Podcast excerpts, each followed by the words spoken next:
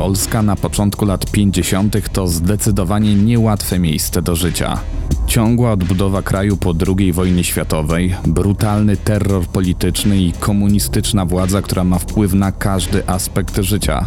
Oprócz tego przeciętny obywatel musi codziennie stać w długich kolejkach do sklepu po niezbędne produkty. W tym samym czasie swoją działalność rozpoczyna grupa przestępcza, która ogałaca Polskę z najcenniejszych dzieł sztuki. Wielu uważa, że była to największa afera przemytnicza PRL-u. Podczas późniejszego procesu straty państwa porównywano z grabieżą arcydzieł dokonaną przez hitlerowców. To porównanie było z pewnością na wyrost. Faktem jednak jest to, że wartość skradzionych przedmiotów liczona jest w setkach milionów, a przemycone złoto w tonach. Poznajcie niezwykłą historię złotego gangu miłośników dzieł sztuki.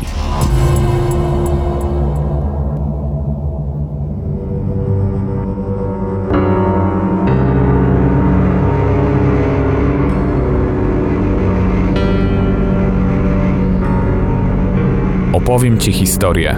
Kamil Barnowski. Zapraszam.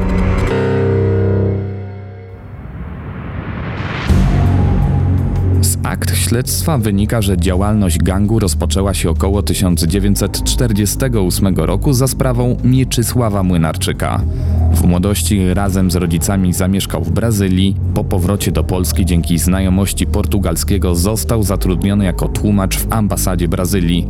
Jego miesięczna pensja wynosiła astronomiczne jak na tamte czasy 530 dolarów. Dodatkowo praca w ambasadzie pozwoliła tłumaczowi na robienie intratnych interesów z członkami brazylijskiego korpusu dyplomatycznego. Pewnego dnia pierwszy sekretarz ambasady, Roberto Chalu Pacheco, poprosił Mynarczyka o sprzedaż dolarów na czarnym rynku. Tłumacz ze swojego zadania wywiązał się wzorowo i z czasem zwykły handel walutą przekształcił się w wielki biznes. Później Młynarczyk robił interesy z innymi pracownikami ambasady, którzy również zlecali mu sprzedaż przemyconego do Polski złota i dolarów.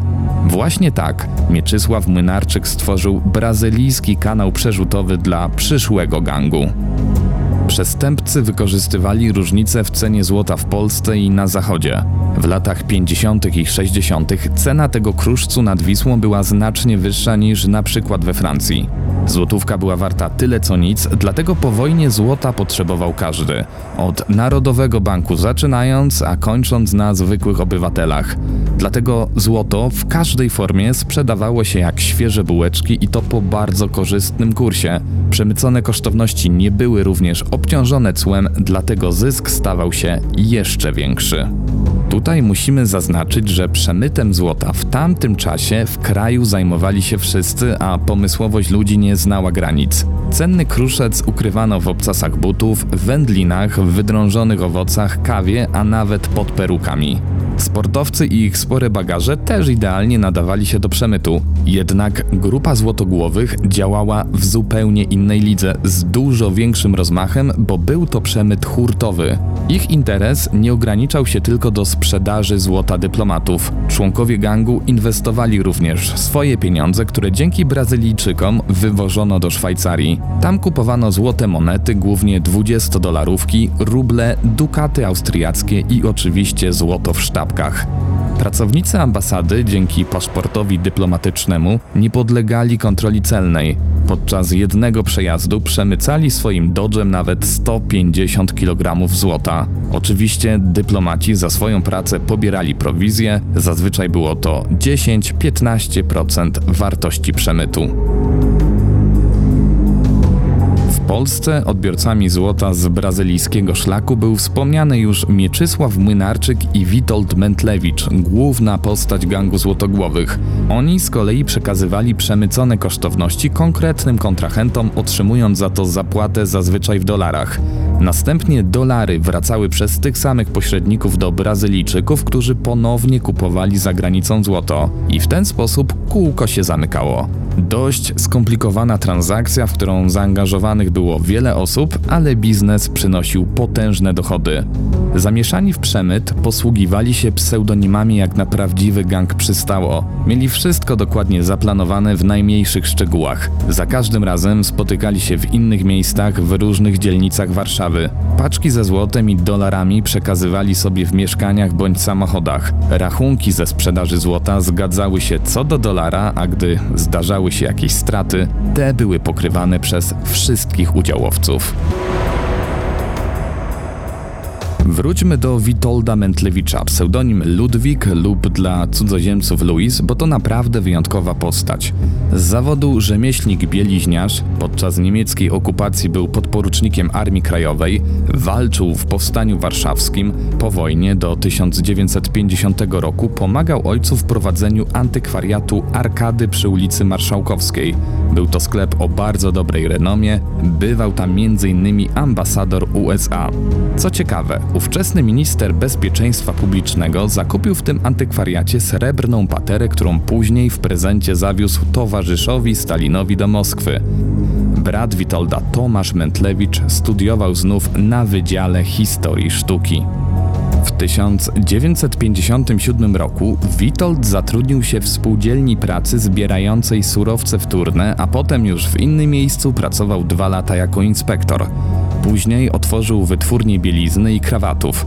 Firma radziła sobie całkiem dobrze, ale Witold szukał jeszcze bardziej dochodowej działalności. Dodatkowo związał się ze swoją ukochaną Danutą, która miała bardzo wygórowane oczekiwania finansowe. Dlatego Witold Mentlewicz kombinował jak się dorobić. Finalnie głównym źródłem jego dochodów był oczywiście przemyt dolarów i wysyłka na zachód cennych dzieł sztuki.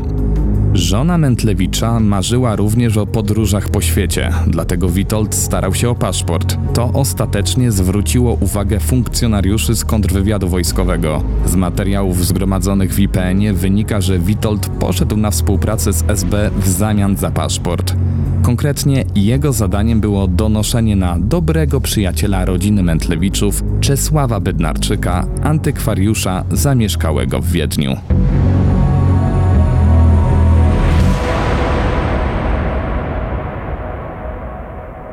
Handel dziełami sztuki rozpoczął się najprawdopodobniej w 1959 roku.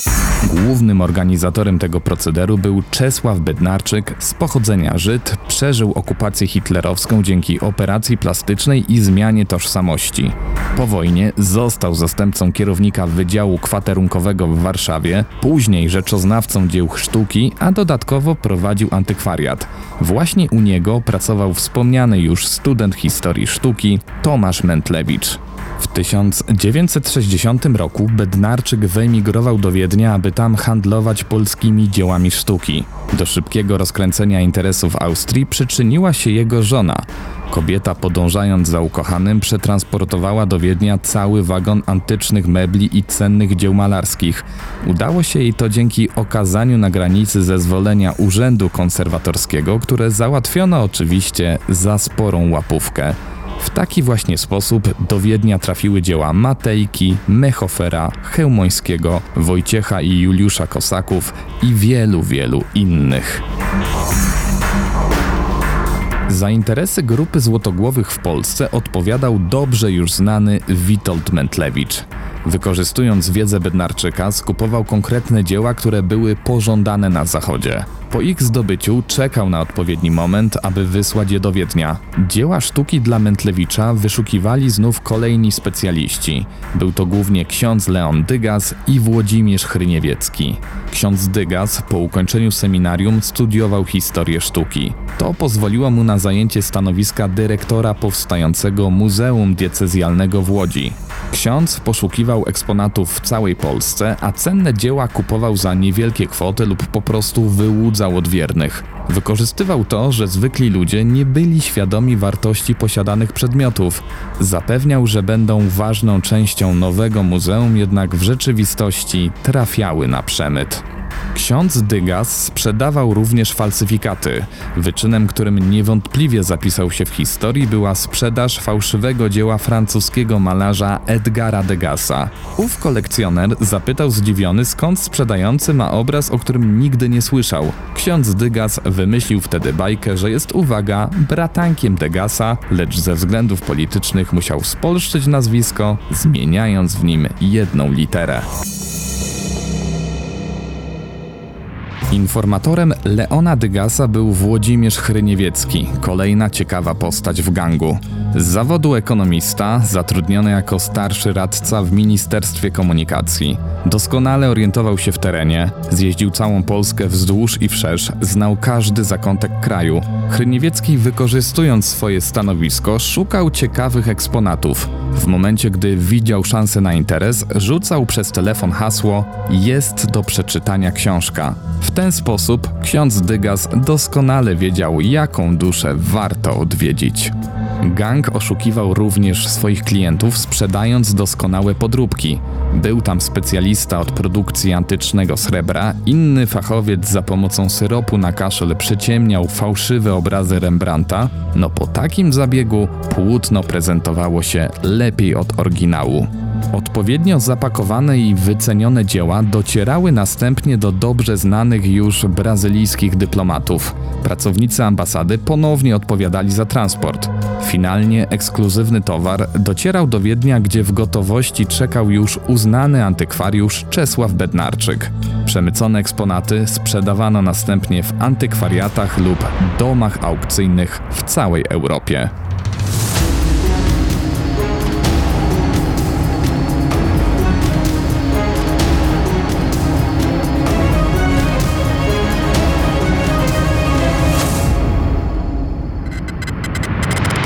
Sprawa gangu złotogłowych wyszła na jaw w 1971 roku, tak naprawdę przy okazji wykrycia innej afery związanej z handlem walutą. Podczas śledztwa podejrzani wskazali, że osobą handlującą złotem jest pani Zosia. Szybko ustalono, kto krył się pod tym pseudonimem. Była to Wanda Dębińska z wykształcenia księgowa, od jakiegoś czasu prowadziła także restaurację, która była zwykłą zasłoną dymną dla nielegalnego biznesu. Kobieta zapewniała, że złoto dostarcza jej kuzyn, który wyjechał do Australii. Na jej nieszczęście kuzyn postanowił wrócić do kraju. Po wylądowaniu na Alkęciu został aresztowany i tak Dębińska była zmuszona do wyjawienia, że wszystko wymyśliła. Przyznała wtedy, że prawdziwym dostawcą jest Witold Mentlewicz. Wyjawiła także skrytki wypełnione kosztownościami. Znajdowały się one w jej mieszkaniu i w punkcie totolotka. Gdy milicja zjawiła się u Mentlewicza, ten odmówił składania wyjaśnień. Milczał aż do października 1973 roku, kiedy to dowiedział się o aresztowaniu swojej żony. Witold chciał uchronić swoją ukochaną, więc zaczął sypać. Protokół z przesłuchania Mentlewicza liczy 600 stron. Przyznał się w nim do przewiezienia na zachód m.in. 103 obrazów i sreber słynnego złotnika Faberże. Później poszło już jak po sznurku. W mieszkaniu rodziny Włodzimierza Chryniewieckiego milicjanci znaleźli przygotowaną paczkę, która zawierała część serwisu króla Augusta III. Podczas przesłuchiwań Chryniewiecki wyznał, że jako pracownik resortu kolei miał bezpłatne bilety na przejazdy, zatem mógł bez problemu przeszukiwać salony i strychy w całej Polsce.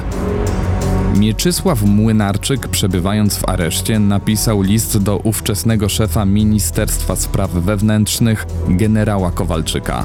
Opisał w nim swoją sytuację i wyraźnie zaznaczył, że przemytem zajmował się na rozkaz MSW. Młynarczyk przekonywał, że realizował zadania szpiegowskie zlecone przez wywiad.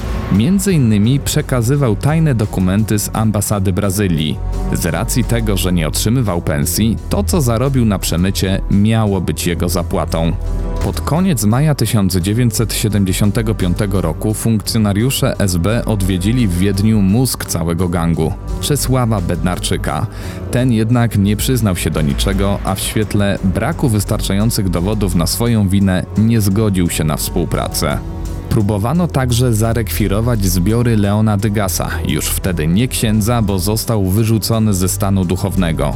Dygas przechowywał drogocenne przedmioty u znajomego księdza na plebanii w Łodzi. Finalnie okazało się jednak, że życiowa partnerka Dygasa zdążyła wywieźć ukryte złoto i obrazy. Sprawa polskiego gangu handlarzy sztuką miała również swoje echo za granicą. Pracownicy ambasady Brazylii w Polsce dorobili się takich fortun, że ich żony nosiły pierścionki o wartości miliona złotych. Natomiast dzieci dyplomatów za dobre stopnie dostawały ekskluzywne mieszkania. Prezydent Brazylii powołał więc komisję śledczą w tej sprawie. Finalnie zdymisjonowano wszystkich pracowników ambasady zamieszanych w przemyt. Później sprawę starannie wyciszono ze względu na negocjowany kontrakt między Polską a Brazylią o wartości 1,5 miliarda dolarów. Warto dodać, że ta umowa ostatecznie nie doszła do skutku.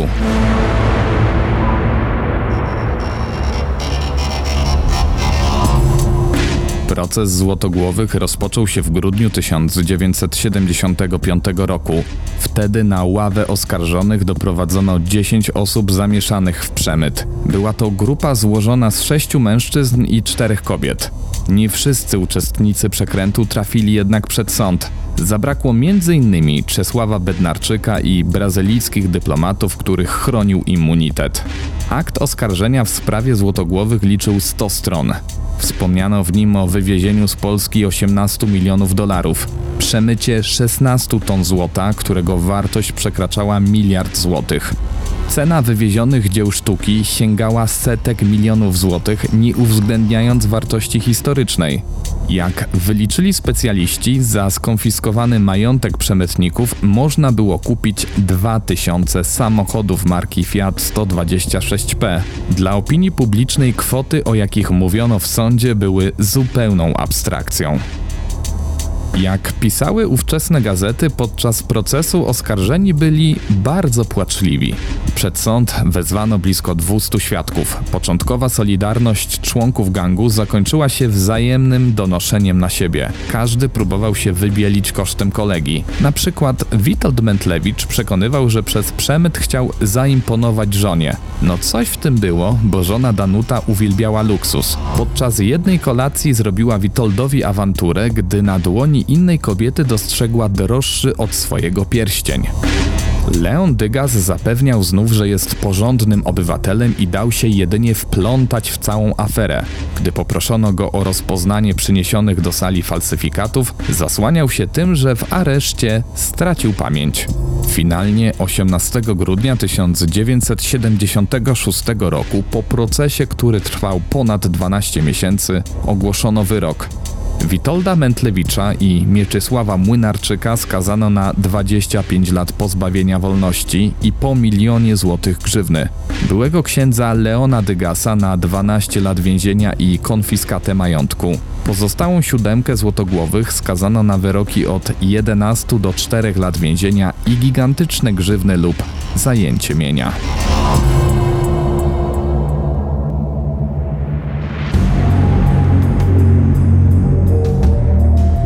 Śledczy za rozwiązanie największej przemytniczej afery PRL-u dostali solidne premie. Skonfiskowane pieniądze i złoto przekazano w ręce Narodowego Banku Polskiego. Trzy wille i dwa samochody, w tym BMW 1600 i Mercedesa 230, przejęło Ministerstwo Spraw Wewnętrznych.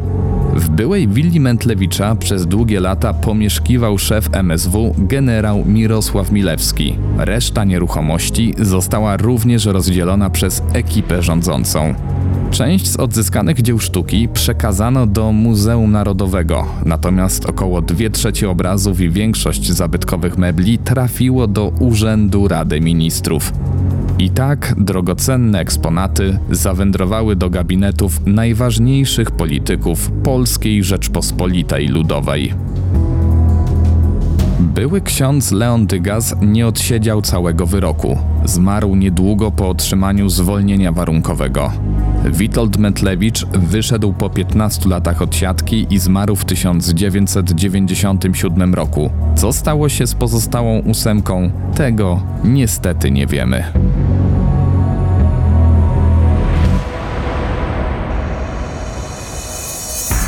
Oczywiście polskie służby musiały wiedzieć o działalności grupy złotogłowych. Najlepszym dowodem na to jest praca Mieczysława Młynarczyka dla Ministerstwa Spraw Wewnętrznych. Można powiedzieć, że miał wręcz ciche przyzwolenie na przemyt. Podobnie było z Witoldem Mentlewiczem. To tajny współpracownik pseudonim Witold.